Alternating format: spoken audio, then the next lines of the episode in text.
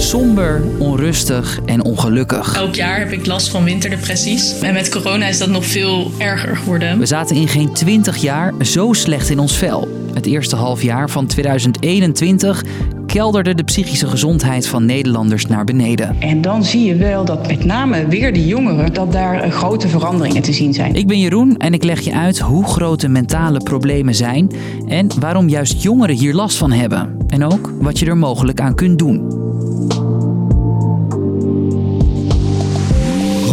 Kort. Een podcast van NOS op 3 en 3FM. Het mentale welzijn van Nederlanders daalde naar het laagste punt sinds statistiekbureau CBS begon met het bijhouden van deze cijfers in 2001. Klopt inderdaad dat het aandeel jongeren dat psychisch ongezond is in 2021 fors is toegenomen.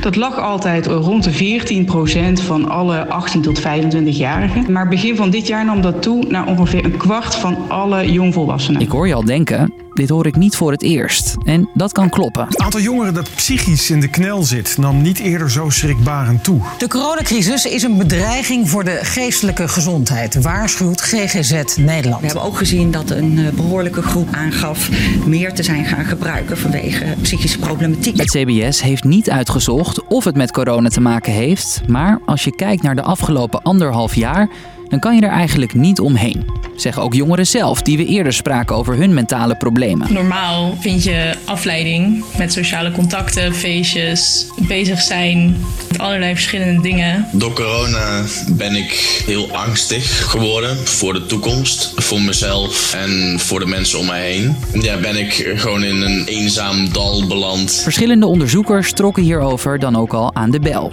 Vooral die lockdowns en het gebrek aan sociale contacten zorgden voor problemen. Ze zien steeds meer aanmeldingen. Klachten van somberheid, angst. We zien ook dat ze vragen hebben over hun toekomst. Dat neemt ontzettend toe. Ja, dat zien we in allerlei onderzoeken, waaronder ook mijn eigen onderzoek. Het is eigenlijk al jaren een trend dat vooral jongeren aankloppen met mentale issues. Dat komt omdat je in die levensfase veel leert en meemaakt. En dus tegen problemen kunt aanlopen. Corona legt daar een vergrootglas op. Dat vertelt ook psychiater Arne Popma aan de collega's van Eén Vandaag. Een heleboel onzekerheid, een heleboel angst over waar gaat het met mijn leven heen, waar kan ik nog op vertrouwen. Een heleboel isolatie, dus dat je niet met de vertrouwde mensen om je heen eh, kunt zijn. En dat doet wat met je ontwikkeling. Het gevolg, jonge mensen die al problemen hebben, zien die verergeren. En mensen die voorheen nergens last van hadden, krijgen ook klachten. Want vanaf je achttiende ben je voor de wet misschien wel volwassen, maar je brein is nog niet zo ver. Die is tot pak een beet eind 20 in ontwikkeling.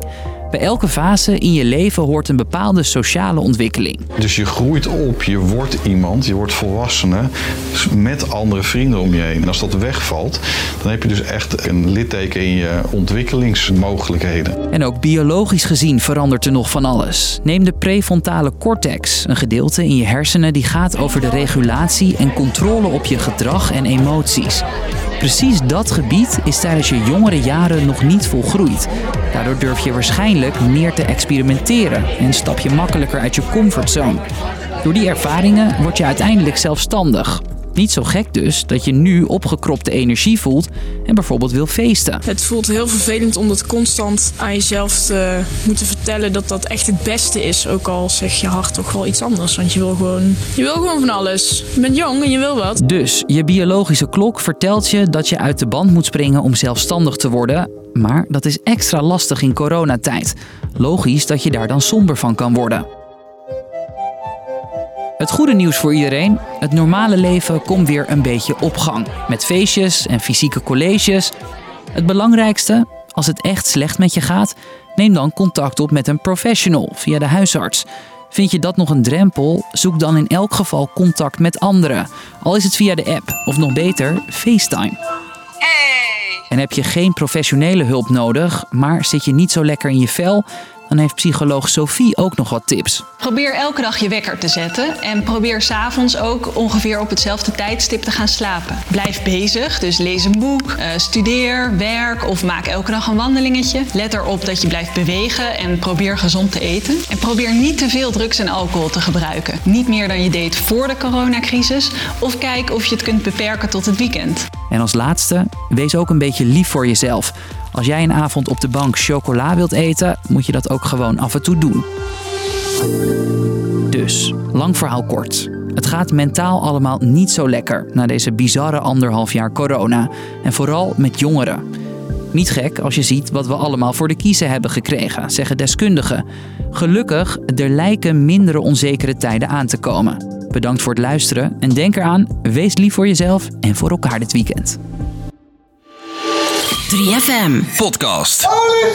Drie mannen met zwarte pak legden hem op de grond neer. En ik hoorde, hij is het niet, hij is het niet. Ik wist gelijk, jij bent een shark. Sorry voor mijn broertje. Twee levensverhalen over broederschap en de consequenties van de keuzes die je maakt. Mijn zus, ik hoorde haar nog roepen van... Uh, Nabil, wat, heb je gedaan?